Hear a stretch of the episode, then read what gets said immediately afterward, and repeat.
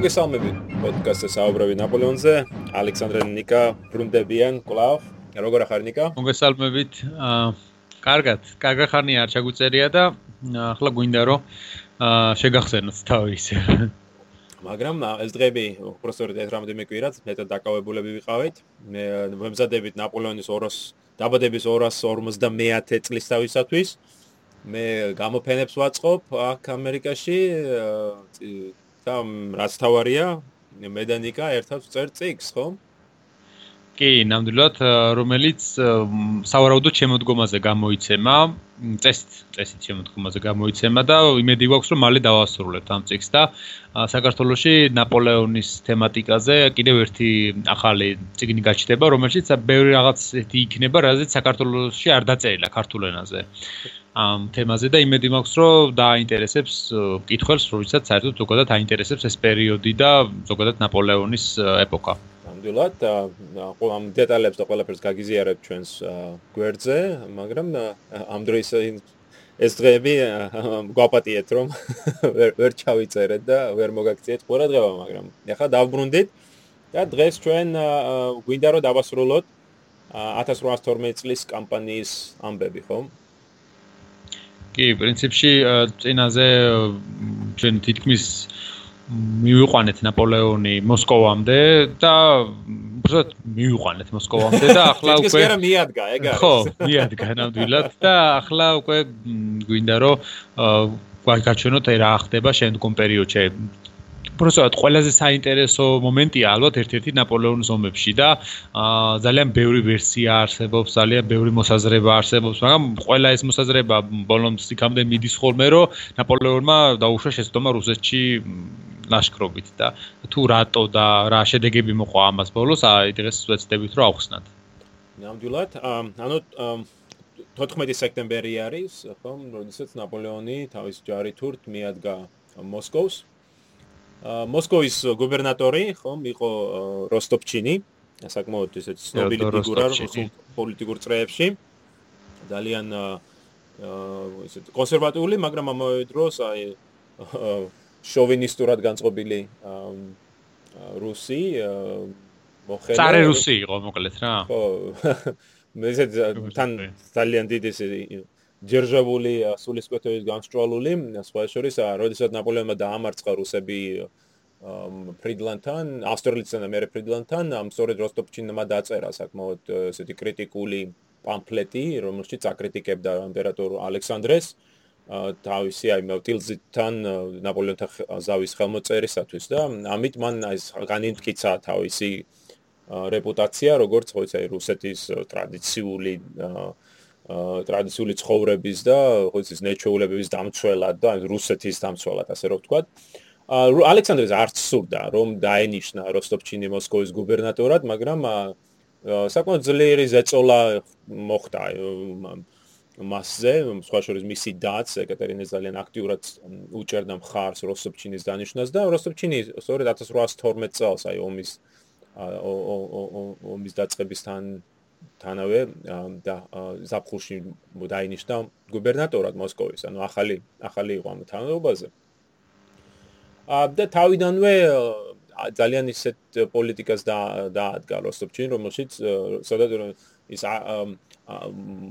უცხოელებს საერთოდ ცნობილი იყო როგორც აი ფრანკოფილების დიდი მოწინააღმდეგე, ანუ არ რატოღაც აი ხო ძალიან ანტიფრანგულად განწყობილი იყო. არა მხოლოდ ნაპოლეონის წინააღმდეგ არამედ ზოგადად.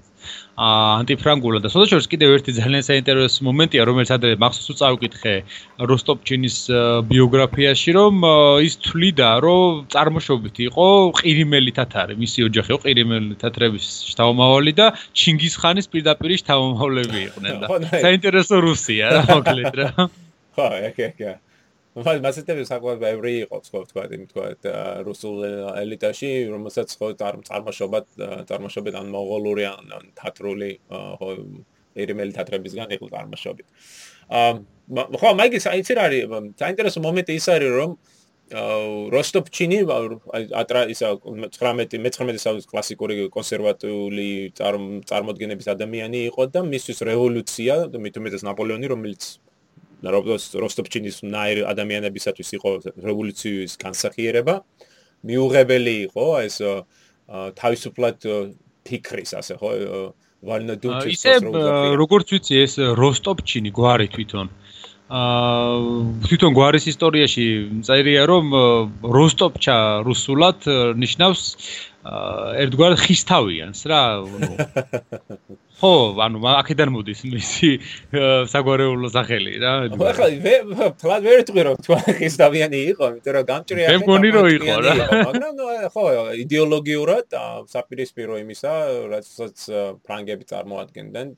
თვით ნაპოლეონი ახლა ჩვენ დავინახეთ რომ ხო ამ დროისათვის იმპერიას თავკაცობს და საკმაოდ ბევრ მომენტში კონსერვატიულ პოლიტიკას ატარებს, მაგრამ ნუ ბუნებრივია რომ თლიანობაში კოსტოპჩინის კონსერვატიზმი და ნაპოლეონის კონსერვატიზმის ძალიან ასხავდება. თვითონ იმაში რუსეთში ძალიან ბევრი ფრანკოფილი იყო, მიუხედავად იმისა, რომ ნაპოლეონს ებრძოდა რუსეთი, ენობრივადაც ძალიან ბევრი საუბრობდა ფრანგულად, კულტურაც ბევრს უყვარდა ფრანგული და ძალიან ისე ახლოს იყვნენ ფრანგულ ცივილიზაციასთან ასე ვთქვათ და როსტოპჩინი ხო.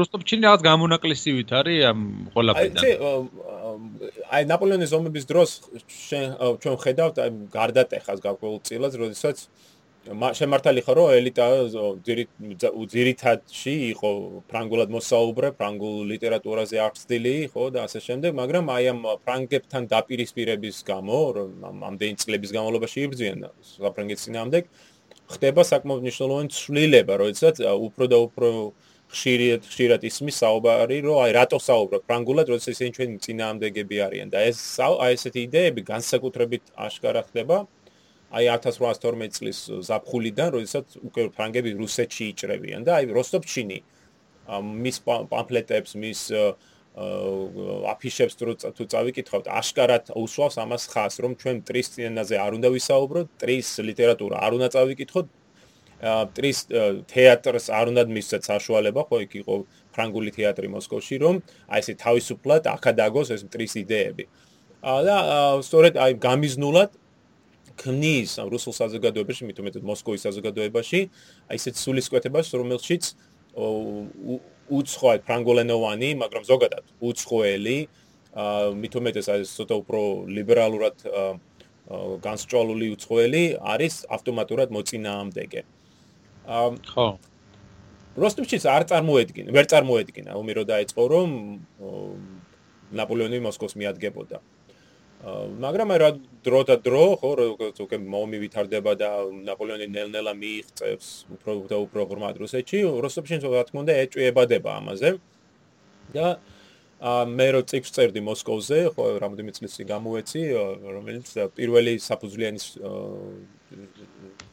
კლევა იყო ინგლისურ ენაზე აი ამ ინგლისურ და ფრანგულ ენაზე შორის ამ ამ ამ საკითხზე და აი მკვლევის დროს შევეცადე მომენახა როსტოპჩინის და კუტუზოვის მიმოწერა, უშუალოდ მიმოწერა და ამეკითხა რას წერდნენ ერთმანეთში და საინტერესო რა მიკვეთება იქ, რომ როსტოპჩინს აგვისტოს მიწურულისკენ უკვე ეჭვებადება, რომ ნაპოლეონი მართლაც მიადგება მოსკოვს და ეხლა თქმა უნდა როგორც გუბერნატორს ეს მას ევალება რომ დაიცვას ქალაქი და ამიტომ ის უკავშირდება რუსეთის ჯარის ხედართავებს, ჯერ ბაგრატიონს და ბარკლაის.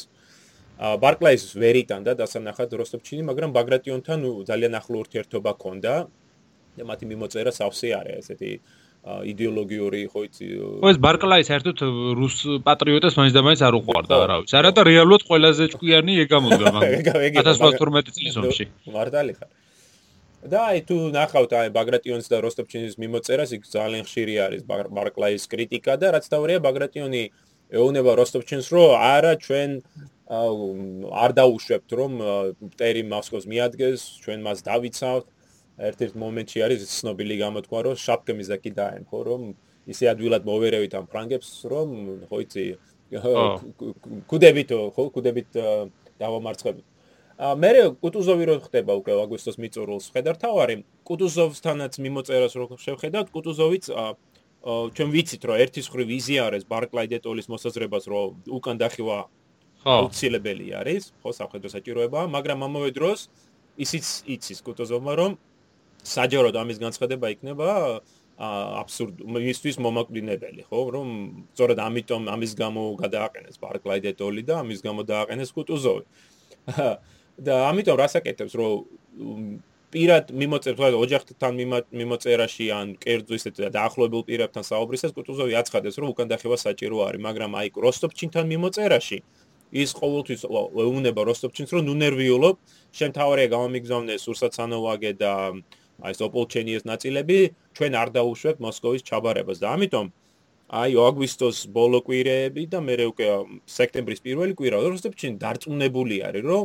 მოწინააღმდეგე მოსკოვთან არ მივა. ამიტომ არის რომ მოსკოვის დაწესებულებათა უმეტესი ნაწილის ევაკუაცია არ მოხდა სანამ გვიანი არ იყო უკვე. იგივე ხდება, იგივე შეეხება, თქვა მოსახლეობასაც. თითქმის უკანასკნელ დღემდე როსტოპჩინი არ წმუნებდა მოსახლეობას, რომ მოსკოვი არ დანებდებოდა, რომ მოსკოვი დაცვა მოხდებოდა და რომ მოწინააღმდეგეს დაამარცხებდა. აფიშებს რო გადავხედოთ, სავსე არის ამ რეტორიკით. და შემდეგ უკვე ბოროდინოს ბრძოლა ხდება, სწორედ ბოროდინოს ბრძოლის წინ როსტოპჩინი წერს კუტუზოვს რომ მოსკოვს რა უკნათო და კუტუზოვი უნდა ნერვიულად არ და არ არ მისცემს საფრთხელებას. და შემდეგ უკვე ბრძოლის მერე რა თქმა უნდა ცნობილი ფაქტი არის რომ კუტუზოვმა დაწერა წერილი, ხო, რომელიც იმპერატორს გაუგზავნა და იმპერატორმა მე გაუზიარა თავის მოხელეებს. რომელშიც კუტოზი აშკარად იტყუება და ამბობს რომ ჩვენ დავამარცხეთ მოწინააღმდეგე და ბოლო ბოლო მიმოწერა ბოლო წინადება წერილში რომ მაგრამ ჩვენ მაინც გადავწყვიტეთ რომ უკან გავხეულიყავით ხო? ერთის ხრი მოვიგეთ ბრძოლა მაგრამ მეორე ხრი ჩვენ მაინც ვიღებთ უკან. და თან მოსკოვს უგდებენ ხო. და აი როსტოპჩინი ვერ იყო გარკვეული რომ ახდებოდა. მან სხვა უკვე აი 12-13 სექტემბერს მოაწყო უზარმაზარი მობილიზაცია პოპულჩენის რამოდენიმე რამოდენიმე 1000-ია მე მგონი 12 თუ 13000 კაცი თავმოყრა შეძლო. ვინაიდან ის დარწმუნებული იყო რომ ბრძოლა მოგებული იყო ბოროდინოსთან და ეს ამ ხალხის გაგზავნა უნდა და რომ დავდანებული იყვნენ ჯართან ერთად ფრანგებისათვის. და ეს ცნობილი მომენტია როდესაც პოკლონნაია გარაზე ხო მის მისადგომებთან მოსკოვთან ეს ხალხი შეკრებილია და ელოდება როსტოპჩინი რომ მოვიდეს და გაუძღვეს და როსტოპჩინი ამ დროს ღებულობს წერილს კუტუზოვისგან რომელშიც კუტუზოვი უნება რომ ნუ ვერ ვიცავთ მოსკოვს უნდა უნდა წავიდეთო. აი როსტოპჩინი ცოფებს ყრის გაგიჟებულია და სწორედ აი ამ 13 სექტემბერს ის ღირებს გადაწყვეტილებას რომ მოსკოვის ევაკუაცია მოხდება მთლიანად.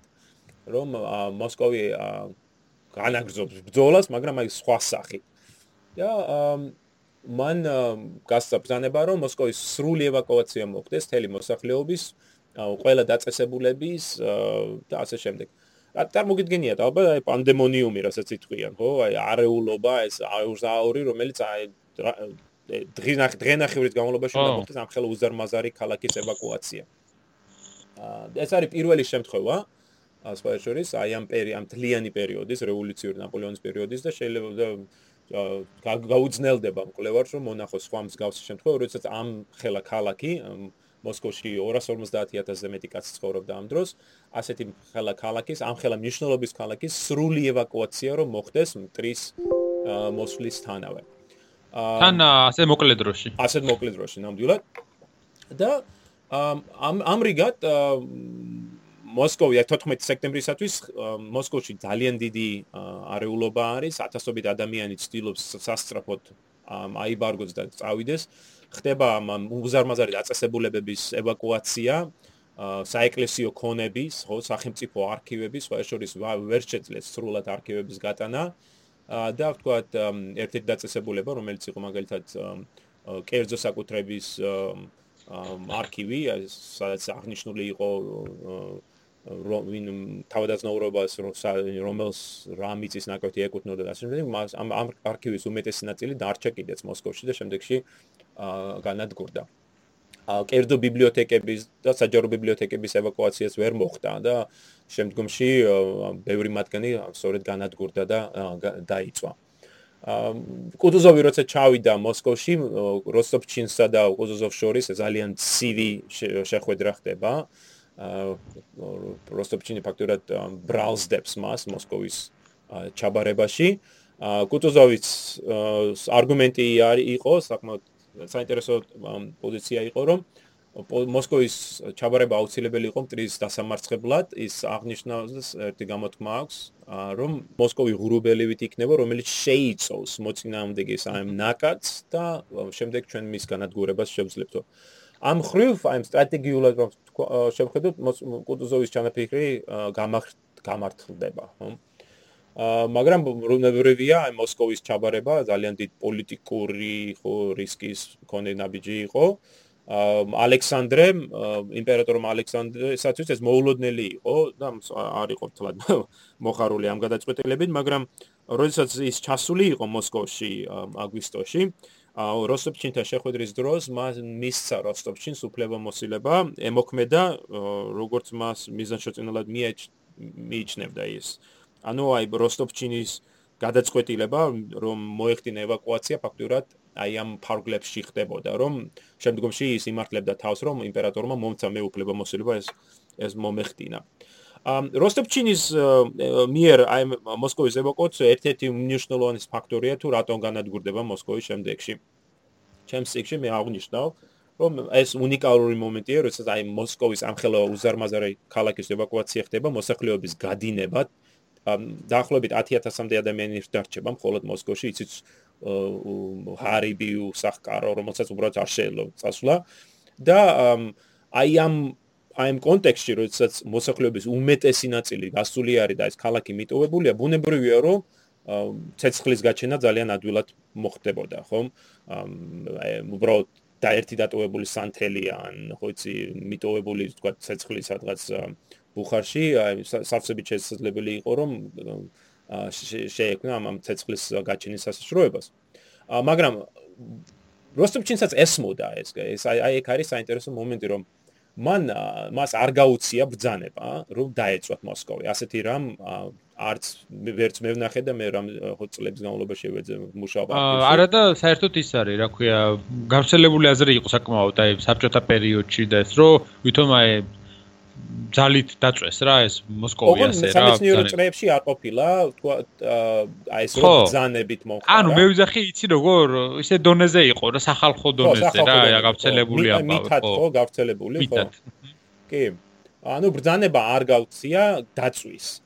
მაგრამ მან ყველანაირად შეუწყო ხელი რომ თუ ცეცხლი გაჩდებოდა და ამ პირობებში გამორიცხულია რომ არ გაჩინილიყო რომ თუ ის გაჩდებოდა ცეცხლის ჩაქრობა რთული იქნება. მოდებოდა, ხო. ანუ რა გააკეთა მან? მაგალითად, მან გამო გაიტანა ქალაქიდან სახანძრო სახანძრო სისტემის უმეტესი ნაწილი, თქვა, ტუმბები, სატუმბი მექანიზმები, თვითონ რა თქმა უნდა, მეხანძრეები და ასე შემდეგ. ანუ თვითონ შემდეგ შეიძლება ცეცხლი გაჩნდა, ფრანგებს აღარ ქონდათ საშუალება რომ ებრძოლათ. მაგრამ ეცექსი აღნიშნავ მაგალითად რომ მოსკოვში ეს პირველი ხანძარი არ არის წინა აი ამ დრომდე 1812 წლამდე თითქმის დაახლოებით 80 წლის ისტორიას რო გადავხედოთ შვიდზე მეჯერ გაჩინილა დიდი ხანძრები მე ვამბობ მნიშვნელოვანი თუმცა ასე დამანგრეველი იყო რომელიმე არა გამანგრეველი არ იყო მაგრამ აი ასობით სახლის დაწვის თქვა ასობით სახლი დაიწყო. ბუნებრივი იყო საკმაოდ რა ამ პერიოდში გინდათ შუა საუკუნეებში დაწყებული აი მე-20 საუკუნემდე ეს პრობლემა ალბათ სულ იდგა ევროპაშიც და ყველგან. ხო, მაგალითად ეხა ეს ხანძრები რო გაჩნდა ხო მოსკოვში შვიდობიან დროს, როდესაც ყველა ყველა ფერი ქონდა თქვა რომ შეებდოლებინათ ხანძართან და ვერ შეძლეს, ხო, მაინც საკმაოდ დამაზიანებელი იყო. ან თუმცა ასეთ კომპარეობაში. ხო, ან თუნდაც იფიქრე, ჩვენ ვიფიქროთ 1666 წლის ხანძარზე ხო ლონდონში. ლონდონის ხო. მშვიდობიან დროს გაჩნდა შემთხვევით ეს ხანძარი და გამანადგურებლად იმოქმედა ქალაქზე. ვერ შეძლეს იმის ჩაქრობა. ან თქვა ნიუ-ორლიანში სადაც ხო მე აგერ ლუიზიანაში ცხოვრობ ნიუ-ორლიანში 1780-იან წლებში იყო დამანგრეველი ხანძარი რომელიც ასევე შემთხვევით გაჩნდა მშვიდობიან დროს და იმის ჩაქრობა ვერ მოხერხდა და ბუნებრივია ნიუ-იორკიშიც მსგავსი შემთხვევა არის, როდესაც ნიუ-იორკის მოსახლეობა ქალაქში არის, მაგრამ გაჩნდა ეს თან რა არის, იცი, უმეტესად იყო ხის ხო, სახლები და ეს და ახლა ბუნებრივი იმას უცებ ეკიდებოდა ცეცხლი. ანუ აი იმ პირობებში თან ახლა ტექნოლოგიაც არ იყოს აი იმისო რომ სწრაფად მოეხდინათ ლოკალიზება იმ ხანძრის და ბუნებრივია გადაედებოდა მერე და გინდა მშვიდობიანი პერიოდი ყოფილა გინდა საომარი ბერსრებს რო გააწყობდი სანამ თავის დარჩაქრებოდა ალბათ. ზუსტად. აი მე მე ჩემს სიქში აღნიშნავ გალეთ რომ თქვა რომც არ გაეტანა როსტოპჩინსა სახანძრო ტექნიკა. მაინც ვერ ჩააქროპტინერებს, ხო. მაგრამ ის რომ მან გაიტანა, ხო, აშკარად არის რომ მას სურს, ხო, სურს აი ეს რომ ეს მოხდეს. შეიძლება ბრძანებას აშკარად არ გასცემს, მაგრამ სადია რომ სურს. ა შემდეგი ერთ-ერთი მომენტი არის რომ ძალიან ბავშვალებული იყო ფრანგებში, შემდეგში რომ როსტოპჩინმა გაანთავისუფლა ათასობით კრიმინალი, ხო, ჯარდებული და მათ მისცა ბრძანება რომ დაეწვათ ქალაქი.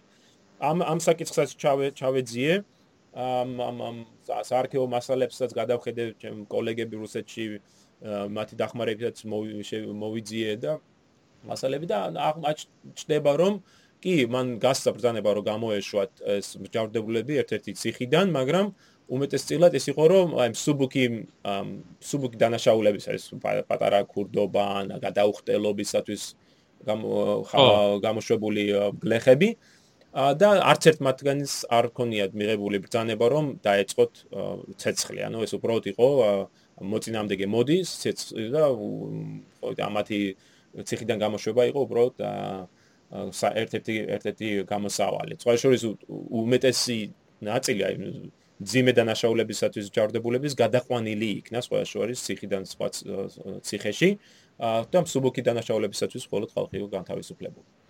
ეხლა ეს რაც შეეხება როსტოპშინს. ამას უნდა დავუმატოთ კიდევ ერთი საინტერესო მომენტი. როდესაც კუტუზოვი ჩადის მოსკოვში და აი აკონტროლებს აი ჯარის უკან დახევას მოსკოვის მოსკოვში, მისი ბრძანებით ხდება სამხედრო სურსაცანოვაგე საწყობების განადგურება. ანუ და ცეცხლი წაუკიდეს აი ამ სურსაცანოვაგეებს. რა ბუნებრივია იმ პირობებში როდესაც ქალაქის მასიური ევაკუაცია ხდება როსტოპჩინს გააქვს სამხედრო ხო სახანძრო ტექნიკა და ამავე დროს სამხედრო საწყობებს წვავ საშიშლოება და რეალობა არის, რომ ცეცხლი გავრცელდება, ხო? ანუ თუ ჩვენ საუბრობთ თქვა მოსკოვის დაწვის პასუხისმგებლობაზე, მხოლოდ როსტოვშინს არ აწובה ეს, საწובה კუტუზოვსაც აი ამ გაცემული ბრძანებისათვის, რომ საწყობები გაენადგურებინათ. და მესამე ფაქტორი, რომელიც მნიშვნელოვანია, ეს არის როდესაც ფრანგები მიადგნენ, დიდი არმია მიადგა მოსკოვს, ნაპოლეონმა კი გასცა ბრძანება, რომ ჯარი არ შესულიყო იმავე დღეს ქალაქში, არამედ მას ის ელოდა, რომ მოსკოვი ჩაბარდებოდა მას ხო ფორმალურად, როგორც ეს მოხდა ვიენაში, როგორც ეგ უნდა გასაღებს გადასცემდნენ. ხო. ცერემონია, დელეგაცია გასაღები. მაგრამ ვიცი ჩვენ და მე ვნახე არაერთი დღიური და მემუარი და წერილი რომელშიც აღწერილია რომ ჯარისკაცებს შიოდა ჯარისკაცებს სასმელი უნდოდა და არაერთი მათგანი შეიპარა ქალაქში და დაიწყოს გაძარცვა ხო. ახლომდებარე გარეუბნებისა. სადაც შემთხვევითობით თუ სხვა მიზეზით გაჩნდა მართლა ცეცხლი და ეს ნელ-ნელა გავრცელდა. ანუ ჯარცაც ფრანგულ ჯარცაც ედება პასუხისგებლობა ამისათვის. ამ და მეოთხე ფაქტორი რომელიც ნიშნულ მე ნიშნულად მიმაჩნია არის რომ გვაქვს ჩვენ ახლა შეიძლება ძალიან ბევრი არ იყოს ეს მაგრამ მაინც გვაქვს ინფორმაცია რომ თვითონ აი მოსახლეობა როდესაც ევაკუაციას ახდენდა ზოგიერთ შემთხვევაში განზრახ უკიდებდა წეს თავის ქონებას იმ მიზნებით რომ აი მე თუ არ რჩება მოწინააღმდეგესაც არ დარჩება ეს. ანუ აი ამ ფაქტორთა შერწყმით ხო ამ ამ ერთობლიობით შეიქმნა ვითარება როდესაც ნაპოლეონი რომ შევიდა მოსკოვში 14 სექტემბერს. მოსკოვის გარეუბნები და ზოგიერთი ნაწილი უკვე ცეცხლს ხო ალმოდებული არის.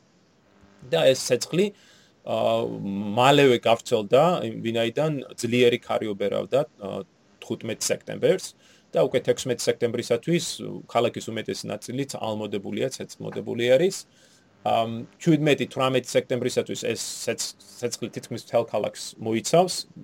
ნაპოლეონი იძულებულია რომ დატოვოს კრემლი და გავიდეს ქალაქიდან ერთ-ერთ სასახლისაკენ ქალაქგარეთ, საიდანაც მას აქვს საშუალება აი ადევნოს თვალი თუ როგორ ნადგურდება ხო ეს მოსკოვი აა როდესაც ფრანგები დაბრუნდნენ 19 სექტემბერს ცეცხლი ჩაქრა იწვიმა და ამ ხელი შეუწყო ამას. როდესაც ისე დაბრუნდნენ ფაქტობრივად მათ ხალხ აქვთ გადამწვარი დაנגრეული ქალაქი. მათ სურდათ ენახად ვინმე რომელსაც ბრალს დაზდებდნენ ამისათვის. და აი სწორედ ამ ამ მომენტში 19-20 სექტემბერს ხდება არაერთი რუსი ქალაქში დარჩენილი რუსის დაპატიმრება ხო? დაკავება მათ ბრალად დაედოთ ცეცხლის ცეცხლის წაკიდებაში.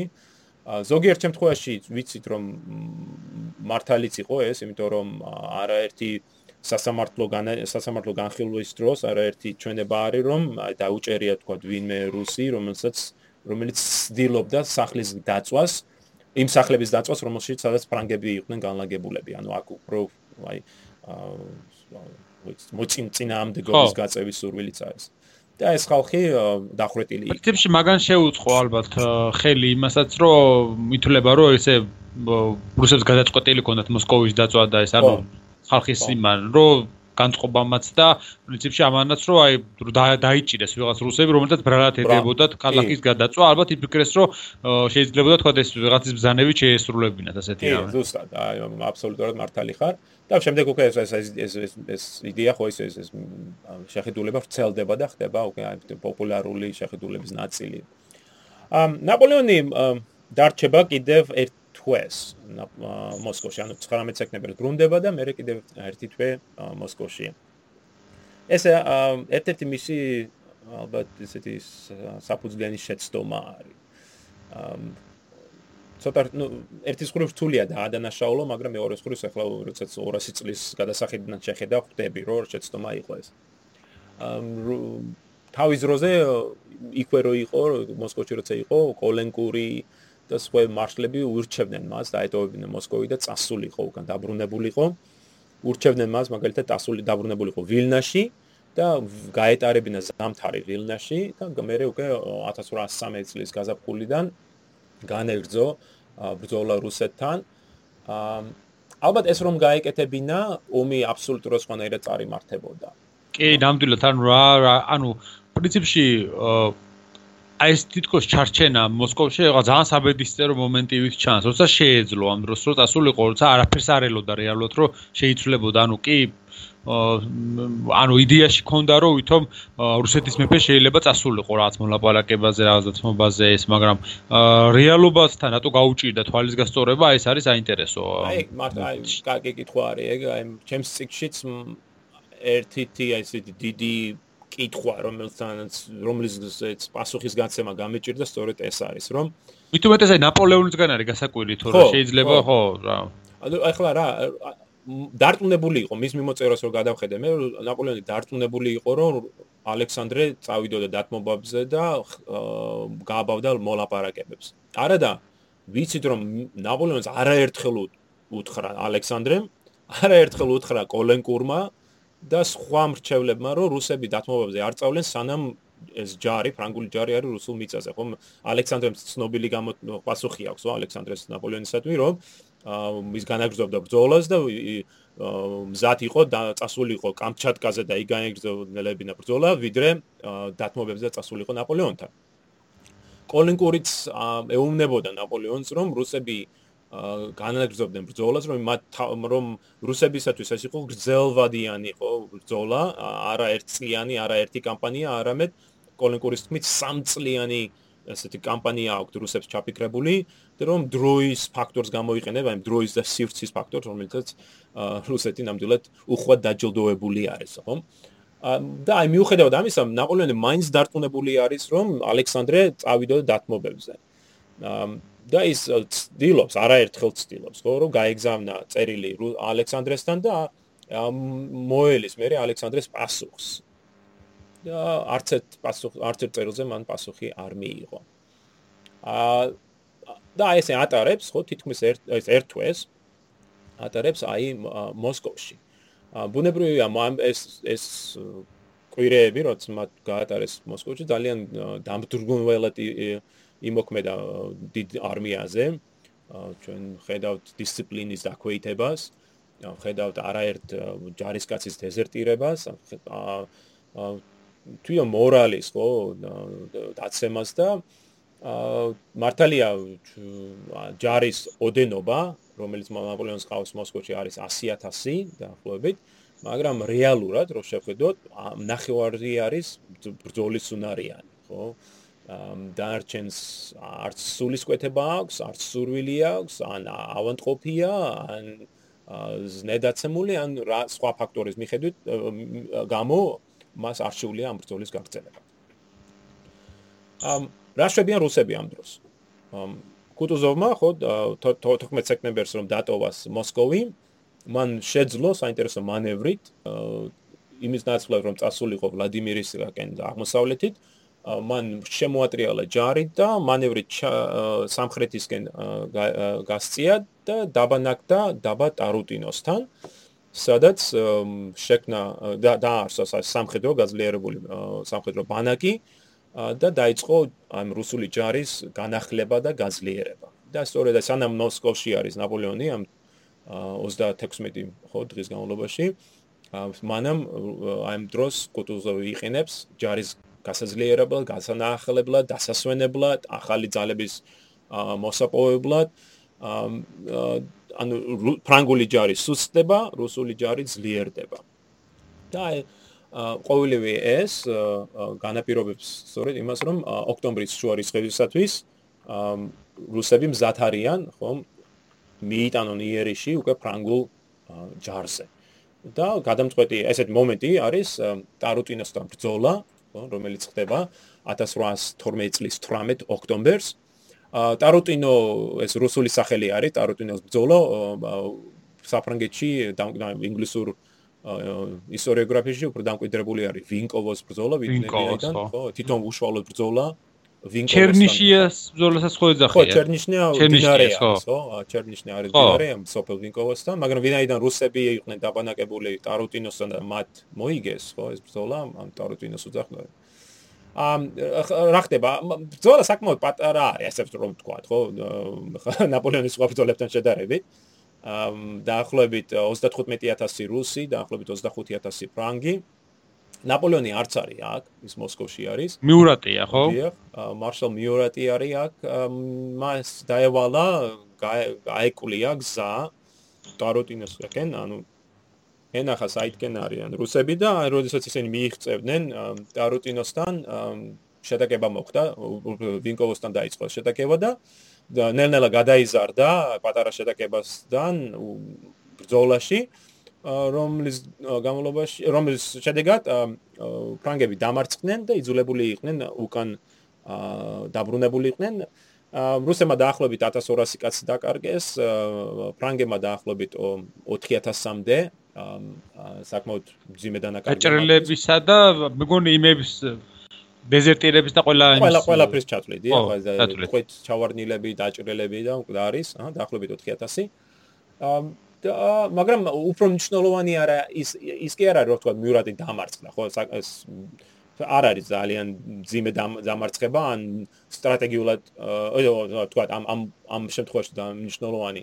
მაგრამ ამ ბრძოლა მიქონია დიდი ზეგავლენა ნაპოლეონს აი თითქოს და გამოაღვიძა ის ხო? რომ აი ამ ერთი თვის განმავლობაში ზის ელოდება ელოდება ელოდება მოსკოვში და შემდეგ აი ეს ვინკოვოს ბრძოლა ხდება და თითქოს და ნაპოლეონი აზზე მოდის, რომ დროა წავიდეს მოსკოვიდან. და სწორედ მომდევნო დღეს, 19 ოქტომბერს, ხო? ნაპოლეონი მიიღებს გადაწყვეტილებას, რომ დროა წავიდეს.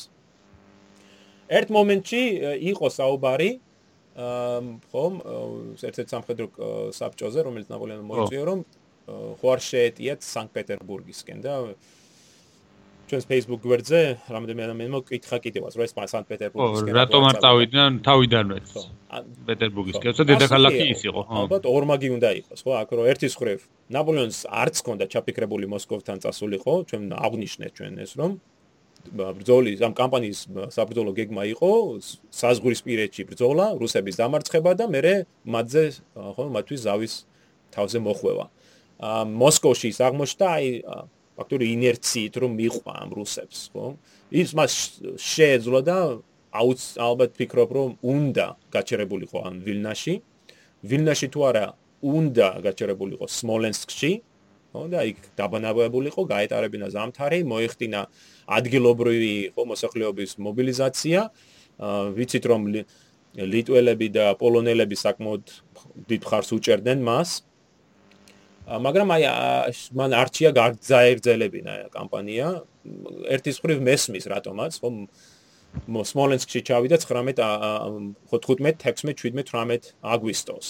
19 აგვისტოს უკვე ისინი აგზელებენ ბრძოლას მე ხა წარმოედგენია როცა აგვისტო არის და ფიქრობ ომი დასრულდა თუ არა და იცი რომ აგვისტოს ნახევარი გაქვს სექტემბერი შეიძლება ოქტომბერიც წინ და იმედი გაქვს თუ ნაპოლეონი ხარ იმედი გაქვს რომ ამ ორ თვე ნახევარში შეიძლება მოწინააღმდეგის დამარცხებას მაგრამ აი აღმოჩნდა ახლა მოსკოვში. აა და რა აზრი ექნებოდა ახლა მოსკოვიდან სანქტ-პეტერბურგისკენ წასულიყო აბსოლუტურად არანაირი თან მithumedes არაფერი ძალები არ ყავდა ამ დროს. ხო ჯერტი ძალა მართალი ხარ ძალა არ აქვს. მე აშკარა არის რომ თურუსები აი მზად არიან მოსკოვი და მოსკოვის ევაკუაცია მოხდნენ მოახდინონ და თქვა დაწვან ხო? მაშინ არც სანქტ-პეტერბურგს დაინდობდნენ.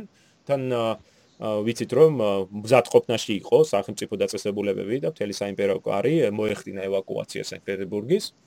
ა მეორე მხრივ ამ სამხედრო საბჭოზე როდესაც იყო განხილვა, ასევე გაისმა ეს მოსაზრება რომ ჩრდილოეთისკენ უფრო ნაკლები სურსათსანოვაგე იყო, უფრო ნაკლები მოსახლეობა იყო მოსკოვის მოსკოვისა და პეტერბურგის შორის და ამიტომ ჯარსაც უფრო გაუჭirdებოდა ა იქ იქ მანევრირება.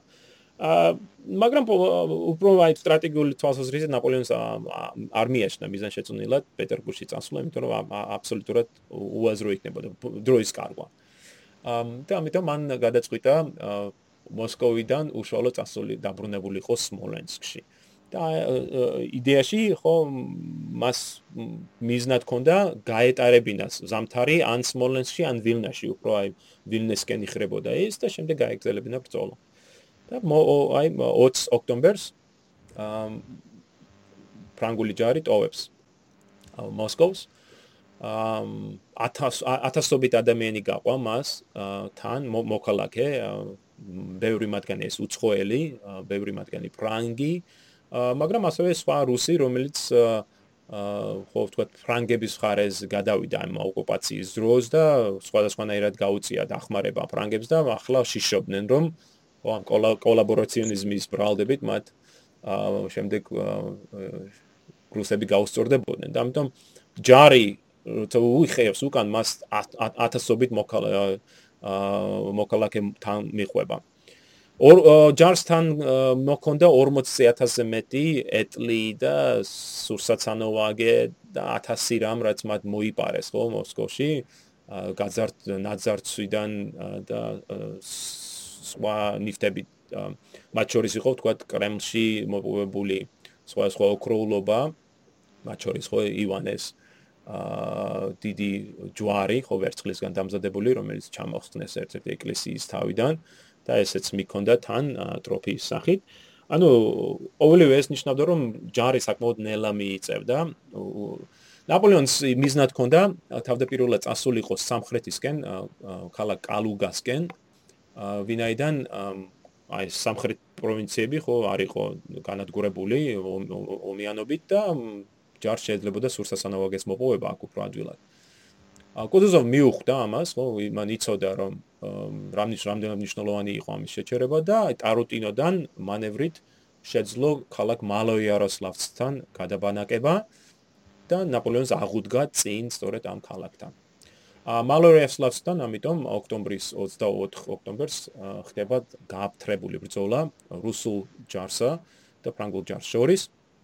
უნდა აღნიშნო, რომ აქ არ არის ფრანგული ჯარის სრულად, არამედ დაიწყო ბრძოლა ევგენი ბოარნეს, ხო, ნაპოლეონის შვილობილის корпуსით, რომელიც იტალიელებით იყო დაკომპლექტებული და შემდეგ უკვე როცა ბრძოლა განვითარდა, მას შეუერთდა ორკინის მარშლის ლუი ნიკოლა დავუს კორპუსი. მეორე მხრივ რუსებს რუსების ხარეზეც არ იყო სრულად ჯარი ამ ამ ბრძოლის ველზე. იყო დმიტრი დოხტუროვის корпуსი კუზუზოვის ჯარი ნელ-ნელა ადგებოდა ბალაიოსლავსთან მაგრამ თლიანად ჯარი მარტო ბრძოლის შემდეგ ჩავიდა. საშუალო რაც ჩვენ ვიცით ახლა თქვა ორივე მხრიდან საბუთების არქივარ საბუთებიდან. აა დაახლოებით თანაბარი ძალები ჰქონდათ 24 დაახლოებით 24000 ადამიანი ფრანგების ხარეზე და დაახლოებით 23-24000 ადამიანი რუსების ხარეზე. თუმცა ისინი ეს ნაწილ-ნაწილ მოვიდნენ. მალოერსლავიცი ეს ქალაქი თითქმის მთლიანად განადგურებული იყო, გადაიწვა და განადგურდა. რუანჯერ შეიცვალა ქალაქმა, ხო, ქალაქის ფლობელობა ფრანგებმა ჩაიგდეს ხელს, მე რუსებმა, მე ფრანგებმა და აი თელი დღის განმავლობაში გადადიოდა ხელიდან ხელში. და აი სასმახლე საჩნელი ხოცვა ჟლეტვად გაჩაღდა აქ. მაგრამ საბოლოოდ რუსებს რუსებმა შეძლეს ამ ფრანგების იერიშების მოგერიება. და ნაპოლეონმა მიიღო გადაწყვეტილება დაბრუნებულიყო, ხო? მალო იაროსლავიციდან გაბრუნებულიყო და წასულიყო ბოროდინოსკენ და შემდეგ ბოროდინოდან გადასულიყო ამ ძველი გზით, სმოლენსკისკენ მიმავალი გზით. რაც გულის ნიშნავდა იმას, რომ აი ეს ხელუხლებელი ხო სურსაცანავაგეთ სამსეპრო სამხრეთული რუსეთის სამხრეთ პროვინციები რუს ფრანგებისათვის ხელმიუწვდომელი იყო და ისინი იძულებულები არიან აი ამ განადგურებული გზით დაბრუნდნენ უკან. თუ ჩვენ საუბრობთ აი უკან დახევაზე, როგორც ასეთი, ალბათ აი მალო იაროსლავეცი არის, სწორედ აი უკან დახევა.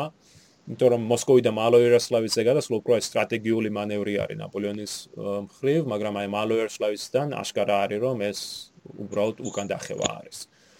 და ნელ-ნელა ფრანგები მიიწევენ უკან, კუტუზოვი მათ მისდევს, მაგრამ ძალიან ის ფრთხილად, ხო, ფრთხილობს ის მას ესმის რომ მართალია ნაპოლეონის დასუსტებულია, მაგრამ მას ხო, მაგრამ ბრძოლას არ ცდილობს მაინც და მაინც. ხო. და არის აი ხოიცი უკან ჩამორჩენილ ნაწილებზე თავდასხმები მაგალითად ვიაზმასთან ხო დაუზღო ხო აი ხა მაგალითად თვითონ ნაპოლეონიც თუ ფიქრობდა ასეთ რამეს რომ შეიძლება და ებძოლა ხა კიდე კუტუზოვთან ალბათ ნაკლებად ხო ნაპოლეონს ახლა მის მიმოწერაში აშკარა არის რომ მას უბრალოდ უნდა რომ გააღწიოს აქიდან და მოახდინოს ამ ჯარის ხოიცი განახლება ვილნასთან და მე გაიგზელებინა ბძოლა ეს კონდა მას ჩაფიქრებული. აა ცენ არის მას აქვს ეს შიში რომ რომ მოტრიალდეს და შეეცადოს ბრძოლა რუსებთან ისინი ისევ უკან დაიხევენ ხო? ნაპოლეონის ხო და მე აზრი არ აქვს მაინც მოუწევს უკან დახევა და აზრი არ აქვს ხო აა და ამიტომ ჩვენ ხედავ ამ ესეთ იზოლირებულ ბრძოლებს ვთქვათ ვიაზმოსთან ბრძოლას შემდეგ სმოლენსკთან ბრძოლას. აა მე სმოლენსკთან როდესაც ჯარი ჩავიდა უკვე ყინვა დაიწყო ხო ნოემბრის დასაწყისია, პირველი კვირა ნოემბრის, როდესაც რუსები ჩავ, ისე ფრანგები ჩავლენ სმოლენსკში, უკვე ზამ თოული ითოვებს და საკმაოდ ცივა და აი პირველი შემთხვევები, როდესაც ადამიანი ხალხი იყინება, სწორედ აი სმოლენსკთან დაიწყო ნოემბრის დასაწყისში.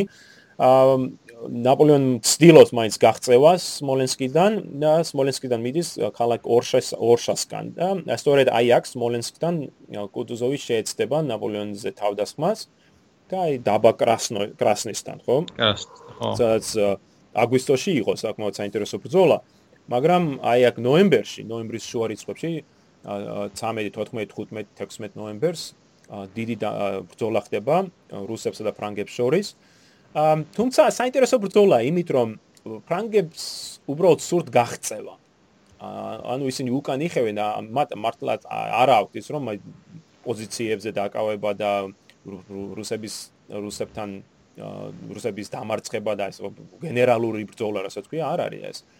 ანუ არის თითოეული ფრანგული корпуსი, რო იხევს მოლენსკიდან, ერთ პერიოდ ერთ მომენტში რუსები მოახერხებენ ამ корпуსების იზოლირებას მაგრამ თითოეული корпуსი შეძლებს გაღწევას აა მათ შორის ნეის, ხო, ნეის корпуსიც და ისინი ყველანი ორშასგან მაინც შეხვდებიან.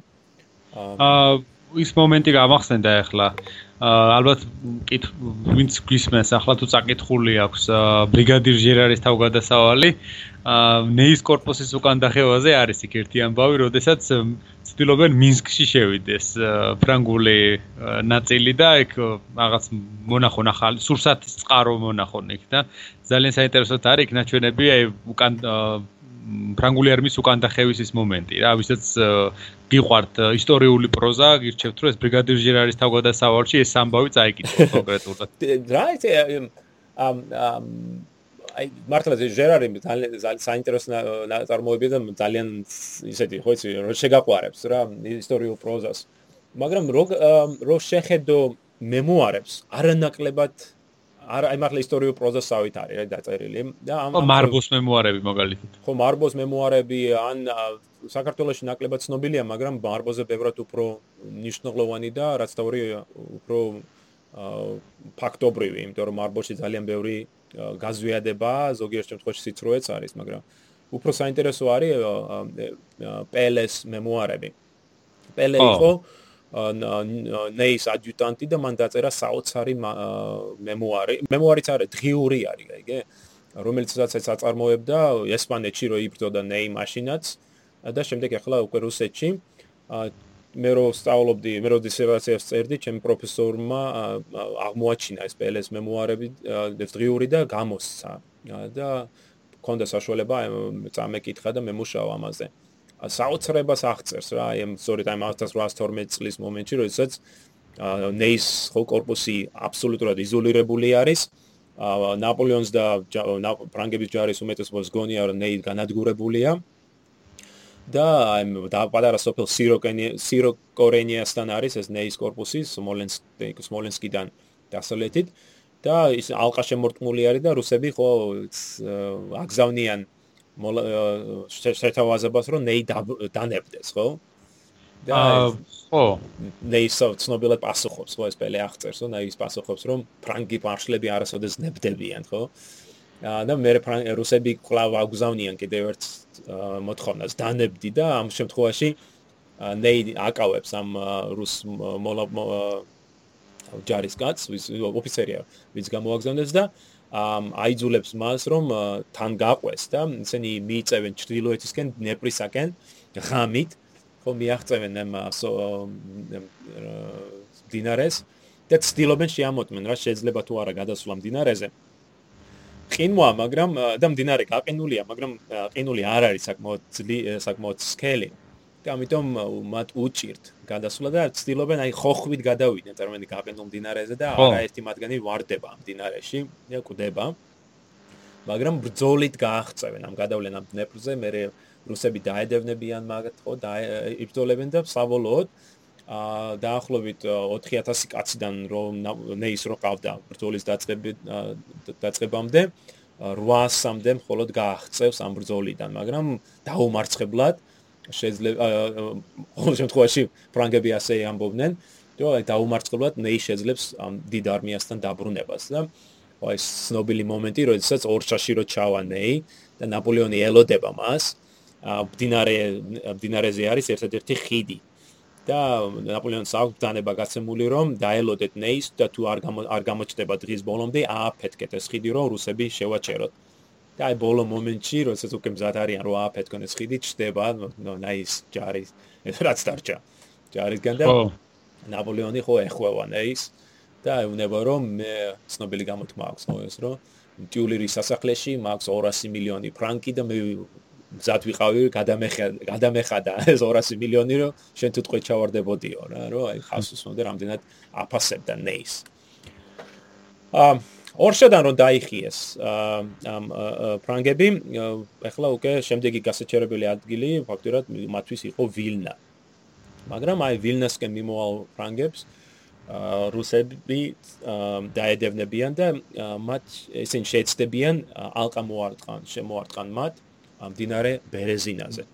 აა ეს გეგმა რომელიც რუსებმა შეიმუშავეს სხვა შორის ჯერ კიდევ ოქტომბერში ცნობილი არის ისტორიულ წრეებში როგორც სანქტ-პეტერბურგის გეგმა და ის ითვალისწინებდა შემდეგს. ფრანგები რო უკან დაიხევდნენ და მიაღწევდნენ ბერეზინასთან რომ მიახლოვდებოდნენ მათ რუსები თავს დაესხმებოდნენ სამი მიმართულებით. კუტუზოვი ხო აღმოსავლეთიდან რადგან ის დაედევნებოდა მათ ვიტგენშტაინის корпуსი, რომელიც ჩრდილოეთში იბრძოდა საკმაოდ წარმატებით და ამ დროისათვის მან შეძლო ფრანგების დამარცხება და ის მიიტანდა იერიშ ჩრდილოეთიდან და რაც თავარია სამხრეთიდან დუნაისპირეთის დუნაისპირეთიდან ამოვიდოდა ადმირალ ჩიჩაგოვის დუნაის არმია. რომელიც მიიტანდა იერიშს აი სამხრეთიდან. აი სწორედ ამიტომ არის მნიშვნელოვანი ის ფაქტი, რომ აა რუსებმა შეძლეს თურქებისათვის ხო ზავის თავზე მოხვევა 1812 წლის მაისში და სწორედ გამოათავისუფლეს ხო ერთი არმია კიდე ხო 60000-ზე მეტი ადამიანი ჯარისკაცი გაანთავისუფლეს რომელთაგან ნახევარი შეძლებს ჩიჩაკოვთან ერთად აი ბერეზინასთან ჩასვლას. ა და ამიტომ არის რომ ნოემბრის შუა რიცხვებისათვის უკვე ეს გეგმა ხორციელდება ჩიჩაკოვი მიიწევს მინსკისკენ ვიტგეშტენის ჩრდილოეთიდან პოლოცკიდან უტევს და კუტუზოვის შემდეგ უკვე მიყვება ნაპოლეონს კვალ და კვალ. ნოემბრის 20 ნოემბრისათვის ვთქვათ, ჩიჩაკოვმა შეძლო მინსკის დაკავება, სადაც მან ხელთი გდო უზარმაზარი სურსასანაოგი საწყობები, რომელიც ფრანგებმა მოაწყვეს იქ, ანუ ამითაც დიდი ზიანი მიაყენა ფრანგებს. და შემდეგ გააგზელა ბრძოლა, ხო, ბრძოლით ავიდა ბერეზინესაკენ, სადაც მან ხელთ იგდო ქალაქი ბორისოვი. ეს ბორისოვი არის იმით სამნიშნულოვანი, რომ ეს არის ერთ-ერთი საუკეთესო ადგილი და იქ იყო საფორტიფიკაციო ნაგებობა და ხიდი, რომლითაც შეიძლება გადასვლა მდინარე ბერეზინაზე. ხო, ბერეზინა არ იყო დიდი მდინარე, დაახლოებით კვრის სიგანეს იყო გვარი რომ ახლა ყოველს გვინახავს. და ანუ ძალიან განიერიც არ იყო და არც ისე ღრმა იყო. საშუალო სიღრმე დაახლოებით 3 3 მეტრა არის ამ დროისათვის. ხო მაგრამ წარმოვიდგინოთ რა პირობებია რა უბრალოდ და აი გარე თორები შეიძლება საერთოდ დინარეთ რო არ ყოფილიყო უბრალოდ ამ სიტუაციიდან გაღწევა ისედაც ძალიან რთული იქნებოდა ყველა ვარიანტში. ხო აბსოლუტურად ხო ეხლა ყინავს ხო. აა საკმაოდ ცივა და ეს დამშეული და გაუბედურებული ჯარი. ჯარი აბა. თან რა არის? ორშაში როცა იყო ნაპოლეონი რათა აეჩქარებინა ხო ეს უკან დახევა მან ბრძანება გასცა დაეწვათ აა ეს ეტლები. ოფიცრებს მხოლოდ ოფიცრებს ჰქონდათ საშუალება რომ დაეტოვებინათ ერთი ეტლი და არჩინი ყველა ეტლი იყო და გადაწვეს. და ამ განადგურებულ ტექნიკას შორის იყო ასევე საპონტონო ტექნიკა, რომელიც ნაპოლეონმა გადაწვა. და აი აქ არის სწორედ სამნიშნულოვანი, რომ გენერალი ებლე, რომელიც ინჟინერთა მეტაური არის, აქ ნაპოლეონს არ დაემორჩილა და მან შეი გადაინახა რამოდენიმე საპონტონო აა ეს მას ერთეული რა. და რაც თავია, არა მარტო საპონტონო ერთეული, არამედ მათ ჰქონდათ ეს მობილური აა აქვია მაგას სამჭედლო სამჭედლო ტექნიკა რა რომელთაც შეგეძლო აი ლუსმები გაიკეთებინა და განხოთ აი და აი შეინარჩუნა ეს მან. აა მიუხედავად ისა რომ ნაპოლეონმა გასწრაფთანება რა ეს ყოველივე განადგურებულიყო. და აი როდესაც მიადგნენ ისინი ბერეზინას და როცა მიხვდნენ რომ რუსები ჯერ კიდევ აკონტროლებდნენ ხო ამ ბორის ბორისოვის ხიდს ნაპოლეონმა აი სწორედ არ გამოჩნდა ეს ებლეს წინდახედულობა რომ მან შეძლო ამ საპონტონო ტექნიკის შენარჩუნება. ა ძალიან ბევრი დაწერილა იმაზე რომ ნაპოლეონმა ხო აი შეძლო ჩიჩაგოვის მოტყუება აი მანევრით ხო უდინო გაგზავნა სამხრეთით მოჩვენებითი მანევრი რომ ვითომ სამხრეთისკენ აპირებდა გადასვლას მაგრამ სინამდვილეში ჩრდილოეთ ბორისოვისგან ჩრდილოეთით შეუტია. ამ სწორედ აი ჩემი ტრილოგიის მესამე ტომი არის ბერეზინას ხო ბრძოლა სხვა შორის გუში მივიღე პოლონეთში გამოცემული თემი თარმანი ჩვენი ერი გამოცემა იყო სხვა შორის მოლოდნელი იყო ახლა საქართველოსი ვერ ვეღირსებით ალბათ და პოლონელები თარგმნიან ესპანურად გამოვიდა პოლონურად გამოვიდა ვიცი რომ ჩინელები მუშაობენ თარგმანზე ქართველები როდის იზამენ ამ საკარგ საქმეს არიცი მაგრამ ეხლა ბერეზინაზე რომ დავიწყე ციგზე მუშაობა, მეც მას ამ სტაბილისტილების ქვეშ ვიყავი, რომ ბერეზინა ბრძოლა იყო ეს გენიალური სლა ნაპოლეონის მიერ ტაქტიკურად, ხო, რომ უდინო სამხრეთისკენ გაგზავნა, თვითონ შეძლო აღმოსავლეთ ჩრდილოეთისკენ გადასვლა.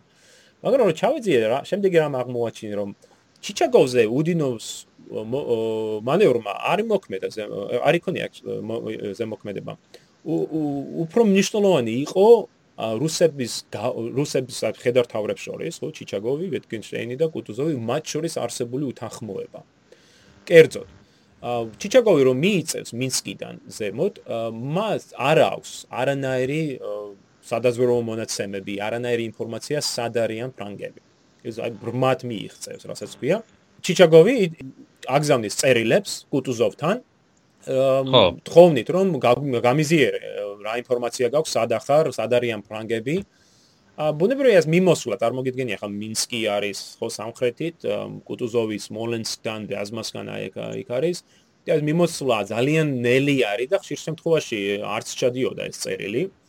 ამ ამ სმენელს რომ რო წარმოგიდგენთ რო კონდეს როდესაც ჩიჩაგოვი ჩავიდა ბორისოვში ბორისოვი რო ჩაიგდო ხელს მას მის ბოლო ინფორმაცია რაც მას ჰქონდა მიღებული იყო ორი თვის წინდელი. ანუ კუტოზოვის ორი თვის წინ გამოგზავნილი წერილი ჩაოვიდა მას მაგ დროს. ანუ არც ჰქონდა კარგად გამაგრებული სადა სად იყო ნაპოლეონი და რა ვითარება იყო. მაგრამ აი ეს წერილები რომლებიც მან მიიღო ხო აი ამ როდესაც ბორისოვში იყო იმ წერილებში კუტუზოვი და ვიტგენშტეინიც აფრთხილებდნენ ჩიჩაგოს რომ ნაპოლეონის როგორც მათ ქონდა გააზრებული ნაპოლეონი მიიწევდა სამხრეთისკენ. რომ ის გადაკვეთდა ბერეზინას უფრო სამხრეთ მიმართულებით რათა მინსკისკენ წასულიყო ანუ თავიდანვე ჩიჩაგოს ჩაფიქრებული ქონდა ანუ ის ქონდა მზად ყოფნაში იყო რომ გადასვლა მდინარე ბერეზინაზე ვერ მოხდებოდა ფრანგების მიერ ბორისოვთან ვინაიდან ის აკონტროლებდა ხიდს და ის ხიდი ნაწილობრივ განადგურებული იქნა. არამედ უფრო სამხრეთისკენ იქნებოდა და მთელი მისი ყურადღება სწორედ სამხრეთისკენ არის. აი როდესაც ნაპოლეონმა გასცა ბრძანება და უდინომ შეუტიას აი სამხრეთისკენ, ამ შედემომ უფრო დაადასტურა აი ამ ჩიჩაგოვის უკვე არსებული მოსაზრება, რომელიც ემყარებოდა სწორედ კუტუზოვის და ვიტგენშტეინის სდარ ინფორმაციას. აა ამიტომ ჩიჩაგომა 20 აი ეს 3-24 ნოემბერს დაიწყო თავისი ჯარის გადაგზავნა სამხრეთისაკენ, რათა აღეკვეთა ფრანკთა ცდელობა გადაეკვეთათ ბერეზინა. სინამდვილეში, როგორც ვიცით, ნაპოლეონი არაპირებდა სამხრეთით მდინარეზე გადასვლას, არამედ ბორისოვისგან ჩრდილოეთით პატარა სოფლებთან მან დაიწყო აი ამ ხიდის მშენებლობა. სწორედ ამ დროს აი გამოჩნდა ეს საოცარი ვაშკაცობა, ჰეროიზმი, აი მართლა ამ ფრანგი პოლონელი, ჰოლანდიელი ინჟინერებისა.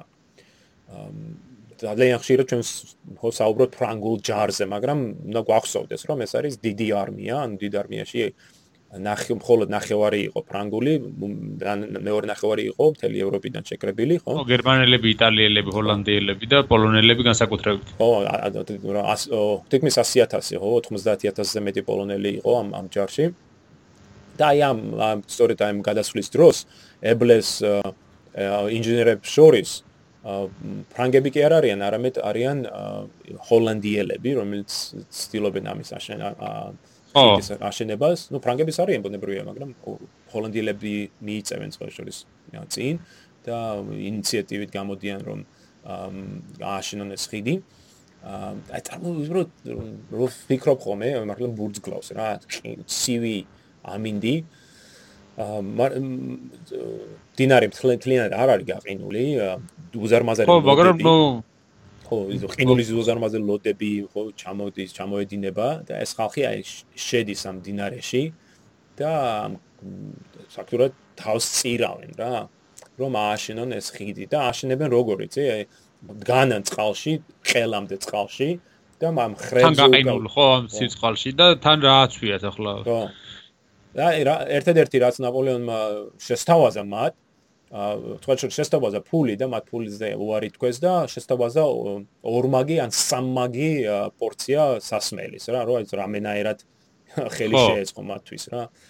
და ეს ეს ეს ინჟინერები ამ საოცარი თავგანწირვით შეძლეს ამ ხიდის ორი ხიდის ხო მაქსიმალური სტრაფი ტემპით აეშენებინათ. ისე რომ 24 ნოემბრისათვის ხიდები მზად არის და იწება ამ ჯარების გადასვლა. ნაპოლეონის ამ დროისათვის დაახლოებით ჩვენ მაინც გვიჭირს ამის მაინც გამოთვლა, მაგრამ ვფიქრობთ რომ დაახლოებით 35000 ბრძოლის უნარიანი ჯარისკაცი ყავდა. ამ მას თან თან ყავდა ალბათ დაახლოებით 60 55-60000 სხვა პიროვნება, ჯარისკაცი, რომელსაც აღარ სურდა ბრძოლა, ან დაკარგა იარაღი, ხო, დემორალიზებული და ამავე დროს აი ეს ათასობით მოქალაქე, რომელმაც დატოვა მოსკოვი და სხვა დაბები და მას თან გაყვა. მაგალითად აი ამ ამ ამ დას ამ ხალხს შორის იყო, თქვა მოსკოვის ფრანგული თეატრის მთელი აა მსახიობთა მთელთა დასი. და რომელიც გაყვა თან და ბევრი მათგანი სწორედ აიღუბება. ამიტომ ნაპოლეონმა ბრძანება გასცა რომ ხიდებზე ჯერ ჯარი გადასული ხო? ახლა სამხედრო ხო მოთხოვნა არის აუცილებლობა რომ ჯერ ჯარი გადარჩენილიყო და აი 24-25 ნოემბერს ხდება ჯარის გადაყვანა ხიდებზე. მოქალაქე ეს მოქალაქეები და ეს არა ბრძოლის უნარიანი ხო ის ხალხი რჩება დინარის აღმოსავლეთ ნაპირზე და გარკვეულ წილად აი ხალხს შორის აი საინტერესო აი არ ვიცი რაღაც ხდება იცი რა ნაპოლეონი აფრთხილებს ამ ხალხს რომ ღამით შეგიძლიათ გადახვიდეთ. ხო დღისით აჯარი გადადის და ღამით თქვენ გადადეთო მაგრამ ღამითაც კი არ გადადეს ეს ხალხი. ამიტომ 26 ნოემბრისათვის როდესაც ჩიჩაგოვი მიხვდა რა ხდება და მოტრიალდა და დაიწყო შეტევა უკვე ხო დინარის დასავლეთ ნაწილზე მყოფი ფრანგულ შენაერთებზე, აი მაშინაც კი მოსახლეობა არ ჩქარობს გადასვლას. ფიქრობენ, რომ მათ დრო აქვთ. 27 ნოემბრისათვის უკვე ვიტგენშტაინის корпуსი უახლოვდება და აი მაიმ სწორედ ამ დროს ამ ხალხში ხდება აი პანიკა. ყველა აწყდება ერთდროულად, ერთდროულად მოიდგინე ათასობით ადამიანი ერთდროულად აწყდება ამ ხიდს და ამ ამის გამო ეს ხიდი ინგრევა. აა ეს ჯერ ერთ პირველი ხიდი ინგრევა, მე მეორე ხიდი. ეს ინჟინერები იძულებულები არიან შევიდნენ ამ ძინა გაყინულ წყალში, ისე ისევ აღადგინონ ეს ხიდი. ა მაგრამ კვლავ ხალხი აწყდება, ხიდი ინგრევა და კვლავ ინჟინერები ბრუნდებიან წყალში, აშენებენ კვლავ ეს საოცარი რამეა რა. და აი 26, 27, 28 ნოემბერს ამ დინარეს ორივე მხარეს ბრძოლა მიმდინარეობს. ამ ტაქტიკურ დონეზე, ასე რომ ვთქვათ, ხო? ტაქტიკურ დონეზე ფრანგები იგებენ ამ ბრძოლას, ვინაიდან რუსები ვერ ახდენენ მათ დამარცხებას, ფრანგები ინარჩუნებენ პოზიციებს, ისინი ახერხებენ, ხო, ამ ხალხ ჯარის თლიანად გადაყვანას, ერთი დივიზიის გარდა, დინარეზე და შემდეგ ნაპოლეონის ბრძანებით, ხო, ეს ეს ხიდები დაინგრა, დაიწვა და ნაპოლეონი დაიმჯა ეს ჯარი, გადარჩენილი ჯარის ნაწილი ნელ-ნელა იხევს ვილნესკენ. მაგრამ ბუნებრივია ეს ეს არ არის ახლა ვთქვა გამარჯვება როგორც ესე ჩემს ციკში მე აღნიშნავ რომ თუ ჩვენ ბერეზინას ჩაწვით ეს ფრანგულ გამარჯვებას მაშინ აი რა უნდა უწოდოთ სხვა ფრანგულ გამარჯვებას? ანუ ფრიდლანდის გამარჯვებაა და ბერეზინაც ხო? ან მოსკოვთან გამარჯვებაც გამარჯვებაა და ესეც. ცხადია რომ რუსებმა მოიპოვეს ამ წარმატება აქ ის სულცირე მათ ხელს ჩაუვარდათ დაახლოებით 35-40000 კაცი თქვეთ. 1000-ობით ადამიანი დაიღუპა, დაიყინა ამ ამ დინარეში. ამ თქვეთ ჩავარდნილები მაგრამ მაინც გაასწრო ანუ ძირითადმა ბირთმა თუ გასწრებაზე არის კი გამარჯვება არის ხო მაგრამ სხვა მხრივ პრინციპში ეს რეალურად როგორც ესეთი საველე ბრძოლა ხო არ ყოფილა ეს იყო უბრალოდ არმიის გაქცევა დასავლეთ დასავლეთ მხარეზე არის საველე ბრძოლა არის საკმაოდ ძლიერი ბრძოლა ვითარდება. სხვა შორის ფრანგებს საკმაოდ წარმატებით აქ საინტერესო მომენტი არის აქ. გენერალი საბანეევი არის ერთი ივანე საბანეევი რომელიც აი მეორე კოალიციის დროს 1799 წელს იბრძოდა იტალიაში სუროვის ექსპედიცია რო გაიგზავნა. და ნოვისთან რო ნოვისთან ბრძოლის დროს ტყვეთ ჩავარდა სხვა შორის ეს საბანეები. და საფრანგეთში იყო ერთი წელი ტყვედ. და მე სმენელს ახსოვს ნაპოლეონმა გაანთავისუფლა ხო ეს რუსი ტყვეები, რომ იმპერატორი პოლი ხო პავლე რომ თავის თავის ხარეს გადაებირებინა ის. მაგრამ ეს ერთი წელი რო საბანემა ერთი წელი რო გაატარა საფრანგეთში, მამ დროს საკმაოდ თავისუფლად შეეძლო მისვლა მოსვლა და შეისწავლა მან ფრანგული სუბუკი ქვეითი ჯარის ტაქტიკა. და როცა დაბრუნდა, სხვა შორის საინტერესო ციგნის დაწერა, რომელიცაც ცდილობდა აი ფრანგული სუბუკი ქვეითი ჯარის ტაქტიკა დაენერგებინა რუსულ ჯარში. ეხლა რატო არის ეს მნიშვნელოვანი? აი ბერეზინას ბრძოლის დროს საბანეევს ჩიჩაგოვთან იყო საბანეევი და ჩიჩაგოვმა მისცა ბრძანება შეეტია ფრანგებისათვის საბანეევისა. და საბანეევმა დაიწყო ეს სვლა და გამოიყენა ეს ფრანგული ღია წყობრი, როგორც მას უწოდებენ, ამ სუბუკი სუბუკი ქვეითი ჯარის ტაქტიკა, როდესაც გაშლი თავი შენს ჯარს და ამ გაშლი წყობრით, ღია წყობრით უტევ. და რომ დაიწყო, მან ფრანგებმა დაინახეს ეს, უცებ მიხვდნენ და ნაპოლეონმა გაგზავნა დუმერკის ძიმე კავალერია ამ ღია წყობრის წყობში განლაგებული რუსების ძინავდე. და ამ ამ კირასირებმა გადაუარეს, რასაც ის გადათელეს ეს თლიანი რუსული დივიზია, ასობით ადამიანი გაჩეხეს. და ამით შეაჩერეს ან რუსთან შეტევა. ანუ საკმაოდ გააფთრებული ბრძოლაც არის აქ. ამ დასავლეთ სანაპიროზე. აღმოსავლეთ სანაპიროზე საინტერესო ბრძოლა ხდება პარტუნოს დივიზია, ხო, გენერალ პარტუნოს დივიზია იცავს აი უკან დახევას და საბოლოოდ იძულებულია ალყაში მოექცევა და იძულებულია დანებდეს. უდინოს მომენტიც ხოა, უდინო რო კიდევ და დაიჭირეს რუსებმა. ამ უდინო აქ დაიჭრა ხო, ბერეზინას დროს დაიჭრა, მაგრამ მეორე ორი დღის შემდეგ ხო, ბერეზინას შემდეგ როცა ხოხში არის დაჭრილი, ხო? მაშინ არის რომ შემოარტყავენ კაზაკები მას ხოხს და ეს დაჭრილი ლოგინს ლოგინად ჩავარდნილი უდინო მაინც აგძელებს ბრძოლას და შეძლებს გადარჩენას. ანუ საოცარია. ანუ ბერეზინა ჩავთვალოთ რომ ფრანგების წარმატებაც არის ვინაიდან ჯარის ნაწილი გადარჩა და რაც თავრე ნაპოლეონი გადარჩა მა ფრანგოსელი ჯარის წარმატებაც არის ვინაიდან მათ ძიმე დარტყმა მიაყენეს ფრანგებს აი ნაპოლეონი რო ჩაიგდო ტყვეთ რა მოხდებოდა რა? ნო აი საინტერესო იქნებოდა ეს პრინციპი ალყა მოექციათ, ხო?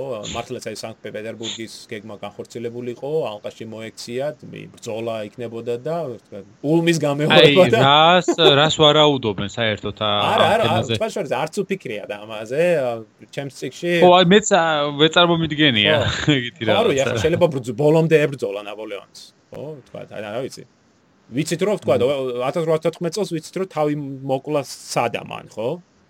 ხო არ იქნებოდა გასაგები ის ის პატარა ის ეკ ეკიმს ხოს თხოვა ნაპოლეონმა რომ ესეთი რაღაც მიეცა რომ თუ საჭირო იქნებოდა გამოეყენებინა სწორედ ხო ამ დროს მისცა ეკიმა და იმის გამო რომ აი წელიწად ნახევრის განმავლობაში ატარებდა მე აპრილში 1814 წლის აპრილში რო სადა თავის მოკლა შხამს ძალა ქონდა დაკარგული. ხო ეთყობა ეგ რა შხამი იყო? გონი ოპიუმის ის იყო ხო რაღაცა წამლავე?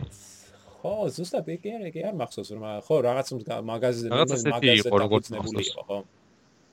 მაგრამ ნუ აი საინტერესო ალბათ კითხვა არის რომ აი რა მოხდებოდა ხო ნაპოლეონის ომები დასრულდებოდა რა პირობებზე მოხდებოდა თუ მოხდებოდა თუ არა ვთქვა სახალხო ასე ზოგადი აჯანყება ნაპოლეონის იმპერიის წინააღმდეგ ევროპაში შეძლებდა თუ არა ნაპოლეონი ალექსანდრესთან საერთო ენის მონახვა ძალიან საინტერესო მომენტი არის მაგრამ ნუ გაუშვეს ხელი რუსებმა მე მგონია რომ ნაპოლეონი დაცირებას ვერ გაუძლებდა არ ვიცი, არ ვიცი, შეიძლება, არ ვიცი.